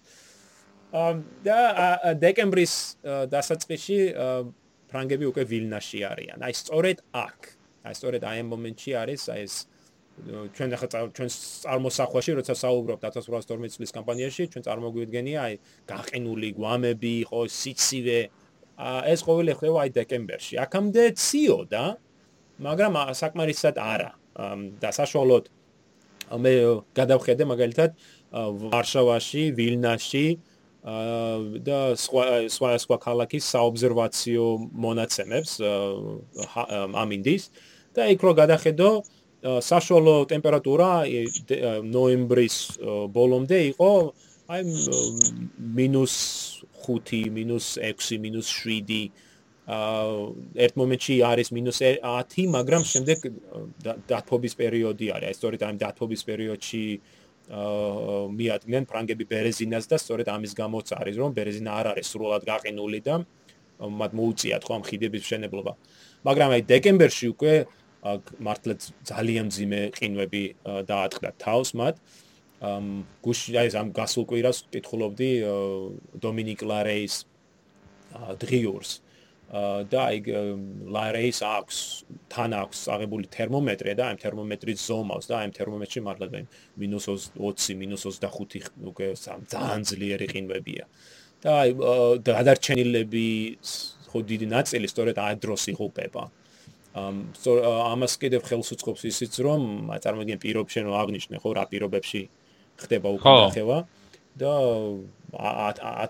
არაერთი ავანტყოფობა გაჩნდა ჯარში მათ შორის ტიპი ხო? აი ტიპის ეპიდემია რომელიც ანადგურებს ამ ჯარისკაცებს ვილნაში რო ჩავიდნენ ვილნაში მათ შეძლეს რამოდენიმე დღის დასვენება მაგრამ ამ დასვენებაც დამღუპელი აღმოჩნდა ვინაიდან ლაირეის აქვს ძალიან საინტერესო აღნიშნული რომ აი ეს ხალხი ეს ყინ გაყინული ხალხი ხო ეს ყინვისგან როცა შევარნა ოთახებში, თბილ ოთახებში და დაიწყეს ცეცხლების გაჩაღება და ის, ბევრი მათი გაიგუდა ამ ამ ამ კვამში, რომელიც ამ სახლებში და ოთახებში დაგროვდა.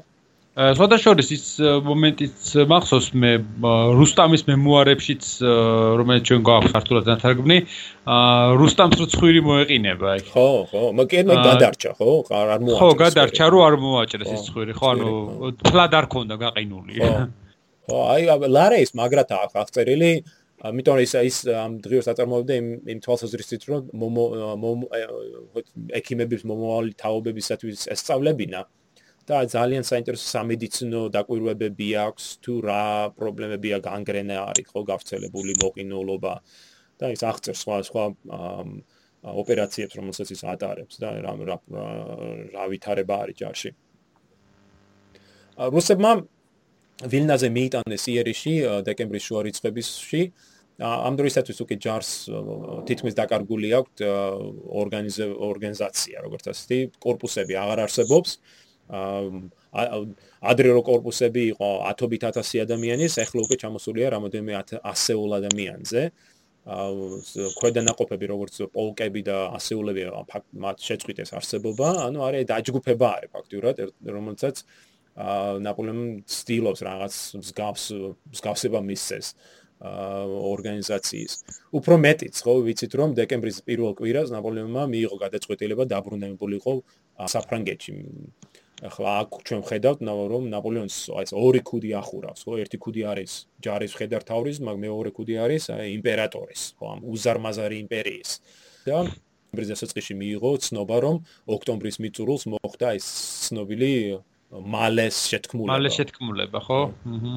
სხვათა შორის ეს მალეს შეთქმულებაზე აა გარკვეულ პერიოდის, ანუ რამდენიმე მგონი 2-3 წლის წინ თარგმნე 1812 წლის ომის წერილები, ანუ რამდენიმე წერილია ძირითადი ალბათ, რომელიც შიც ჩანს თუ რაც წერდნენ ერთმანეთს, როგორც საფრანგეთიდან რუსეთში, ისე რუსეთ და საფრანგეთში. რა თქმა უნდა, ამ წერილებს დიდი ნაწილი არ მისულა საფრანგეთში თავის დროზე, როცა უნდა ჩასულიყო, იმიტომ რომ ნაპოლეონი აჩერებდა საერთოდ, როგორც ვთქვით, ცდილობდა რომ არ მისულიყო ყველანაირი ინფორმაცია რუსეთიდან ან ჯარისკაცების გაგზავნილი წერილები და ასე შემდეგ. საფრანგეთში თუმცა ნაპოლეონს ატყობინებენ მალეს შეთქმულებაზე. სხვათა შორის 1812 წლის ომის პერიოდში რუსეთში ყოფნის როცა 23 ოქტომბერსა და მალე 1812 წლის 23 ოქტომბერს სახელმწიფო გადატრიალების მოწყობა გაავრცელა ხმები თითქოს ნაპოლეონი 8 ოქტომბერს მოსკოვში დაიღუპა და დილის 9 საათისთვის მან დააპატიმრა პოლიციის ministri სავარი, რო გენერალი სავარი. მოვიდო და ეგა? ხო, ნამდვილად არა, იმიტომ ამ სავარის ხინჯად დარჩა ალბათ მის კარიერაში ეს მომენტი. პარიზი დაიკავა და გამოაცხადა რესპუბლიკა მალე.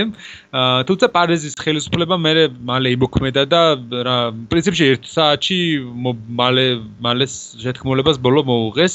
29 ოქტომბერს დახვრიტეს კიდევაც მე გამოუტანეს განაჩენი მალეს და ნაპოლეონ მესამბავი შეიტყოს რაღაც 6 ნოემბერს დაახლოებით. ეს იყო ჰორტენზიას წერილის ანუ ჰორტენზია როგორც ვთქვით არის ნაპოლეონის შვილობილი ჟოზეფინას ქალიშვილი, რომელმაც მიწერა ნაპოლეონს ამის შესახებ, თუმცა მაგის შესახებ უკვე მანამდე უკვე იცოდა ნაპოლეონმა რა საკვირველია, თუმცა ამ წერილში, ჰორტენზიას წერილში, რომელიც შემორჩენილია და აა ჩვენ გვაქვს საშუალება რომ წავიკითხოთ, ანუ ქართულ ენაზეც აქვს ამ შემთხვევაში ნათარგმნი, აა ესეთ რამეს წერს ის, რომ ყველა ძალიან გვაშფოთებს როგორ როგორ განეწყობა ამაზე იმპერატორი, ხალხი დასცინის პოლიციას, მაგრამ ამავე დროს ფიქრობენ რა მომავალი იქნება მას. იმედი მაქვს იმპერატორი არ გააგდებს მის მიმართ ასე ერთგულ ხალხს, ანუ ფიქრობენ რომ როდესაც ნაპოლეონი დაბრუნდება ბუნებრივია რა რეაქცია ექნება ასეთ შემთხვევაზე რომ ერთ დილით გენერალი მალე ადგა და ასეთი გადატრიალება მოაწყო სახელმწიფოში. თითქოს რომ ეს რა თქმა უნდა 1 საათი გაგრძელდა, მაგრამ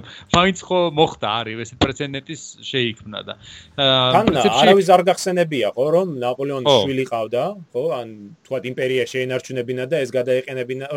ხო, აი თქვა რომ მომკვდარიყო ნაპოლეონი, რასაკურველია, მან თავის დროზე იმიტომ მოიყვანა ეს ავსტრიის პრინცესა მარია ლუიზა, რომ მისგან ყოლოდა მემკვიდრე, რომელიც იქნებოდა მის შემდეგ, ანუ დინასტია ქმნიდა ასე ვთქვათ, ნაპოლეონი და აა რატომღაც ეს ნაპოლეონ მეორე, ანუ რომის მეფე, როგორც ამას ჰქონდა ტიტული, ძალიან ისე დაკარგული ჩანს ხოლმე ხშირ შემთხვევაში ისტორიაში. ანუ ყველა წარმოდგენილი ჰქონდა, მაინც რომ ნაპოლეონის სიკვდილი დასრულდებოდა იმპერია და მორჩებოდა ამით ყველაფერი. ეს ყველაფერი ეს ეს იყო ნაპოლეონის იმპერია და არა ბონაპარტების დინასტიიდან მართული იმპერია. რაღაც ესეთი შეგრძნება არსებობს უფრო მეტად. ხო.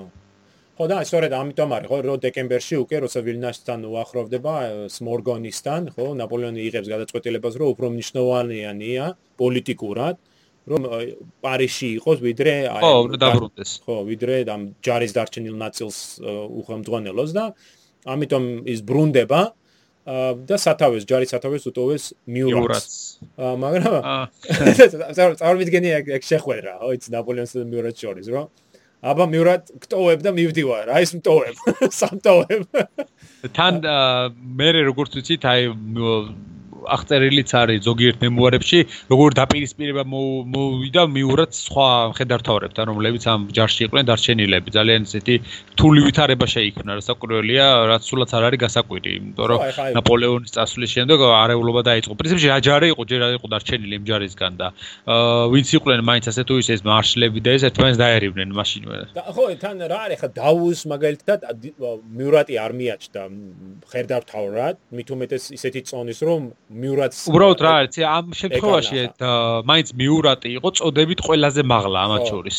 იმიტომ რომ მეფე იყო ნეაპოლის მეფე იყო და შესაძლებელია და ალბათ უფრო ამის გამო დატოვა მიურატი და არა თქვა რომელიმე სხვა ხედართავარი დაუს ახლა დაუ ძალიან კარგი ხედართავარია ჩვენ მამაზე ვისაუბრე მაგრამ დაუმ ვიაზმასთან განიცადეს საინტერესო წარუმატებლობა რომელსაც ნეის არ დაეხმარა, ამის გამო მისი დოაბუს კორპუსზე თავდასხმა მოხდა. ხო არ უყარდათ ერთმანეთი ნეის დაემას. აი ზუსტად ამ დიაზმის მერე ერთმანეთს ვერ იტანენ და ნაპოლეონმაც მაგალითად დავო გადააყენა არიერგარდის მეტეორობიდან, აი დიაზმის მერე და ნეის ჩააბარა, ხო? ანუ აი 1812 წელს დავუც ცოტა სუსტად მოქმედებდა და ამიტომ არის ალბათ გარკვეულწილად რომ ნაპოლეონმა არ ანდო დავუს მხედართავრობა აქ, არამედ მიურას. მას შემართალი ხო, გადამწყვეტი ფაქტორი მაინც ის არის რომ მიურად თანამდებობი და წოდებით უფრო მაღალ ადგას. აა თუნდაც ნაპოლეონის ძმაც ვესფალიის მეფეც ჟერომიც უფრო მაღლა იდგა. ო, მაგრამ ჟერომი გაიწვია, ხო, მაგან ჯერ კიდევ ხო ზაფხულში, როდესაც ბაგრატიონის გამართება ვერ შეძლო, მაშინ გაიწვიეს და მის კორს ხო ვანდამს გადასცა. და საერთოდაც ეს ნაპოლეონი თავის ნეპოტიზმით ხშირად თვითონ უშლი და თავის წარმატებას ხომ ხელს. აი, ზუსტად რა, ეხლა მაგის მომინდოდა რომ აი ხლა ამ მომენტში ესეთ გადაწყვეტ მომენტში მაინც ხას უსვავს უფრო აი იერარქიას ვიდრე თქვა საჭიროებას. საჭიროებას ხო. და მიურატმაც რა გააკეთა? მიურატმაც ორი კვირა ორი კვირაც კი არისო ამ თანამდებობაზე. აიღო ხო შეიკრა გუდანაბადი და წავიდა ნეაპოლში რომ მე ჩემს სამეფოს უნდა მივხედო.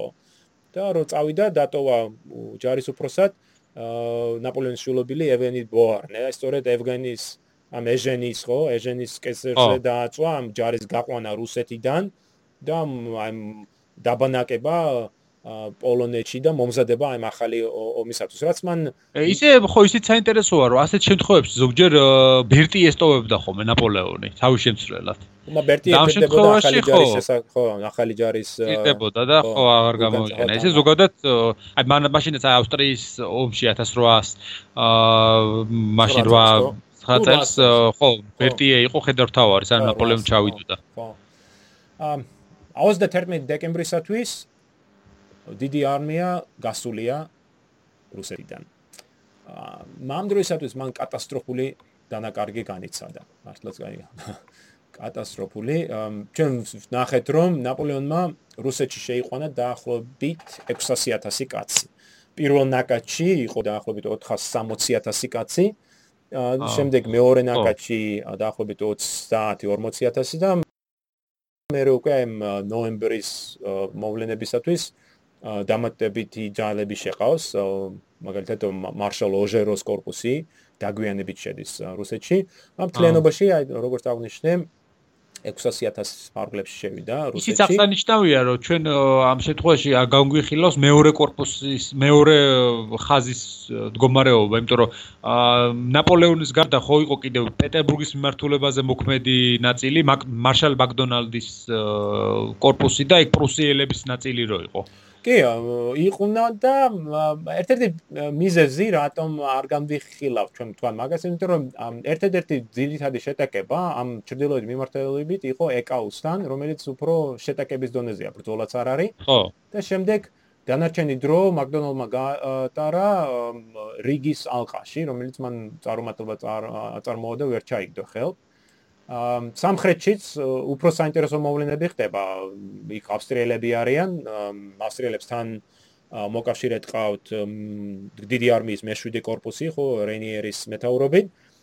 ისინი წარმატებით იწებენ შეტევას, მაგრამ შემდეგ ტორმასოვმა, გენერალმა ტორმასოვმა შეძლო ბრძოლის შემოტრიალება, ასე ვთქვათ.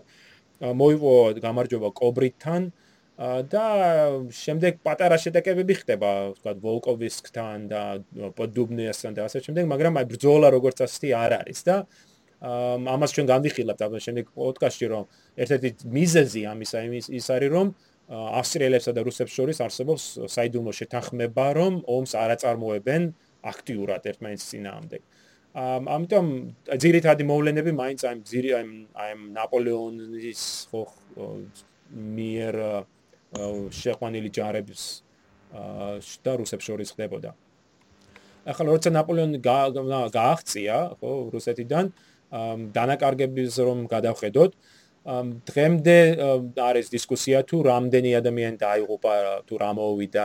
ახლა თუ შევხედავ დაახლოებით 90000-მდე ადამიანმა შეძლო გასვლა რუსეთიდან ხო. ახლა რას გულისხმობ ამ 90000-ში მაგალითად გულისხმობ აი 20 დაახლოებით 38000 ავსტრიელს რომელიც სამხრეთში იბრძოდა. ამაში გულისხმობ დაახლოებით 25000 პრუსიელს რომელიც ჩრდილოეთში იბრძოდა. და და მაგრამ ეს ნიშნავს რომ ძირითადი ბირთვიდან რომელიც ნაპოლეონმა შეიყვანა ხო? დაახლოებით 300000 კაცი რომელიც ნაპოლეონმა შეიყვანა უკან გაღწევა დაახლოებით 25000-ამდე თუ შეძლო. ესეც ძალიან ისე ოპტიმისტური რიცხვი არის. დანარჩენ ადამიანს რა მოვიდა, ხო? თუ ვიტყვით რომ 600000 შევიდა და 100000 გააღწია, 9 მილიონს რა მოვიდა. ამ აქედან უმეტესი ნაწილი დაიღუპა. ათობით ათასი ადამიანი დაიღუპა სხვადასხვა მიზეზის გამო.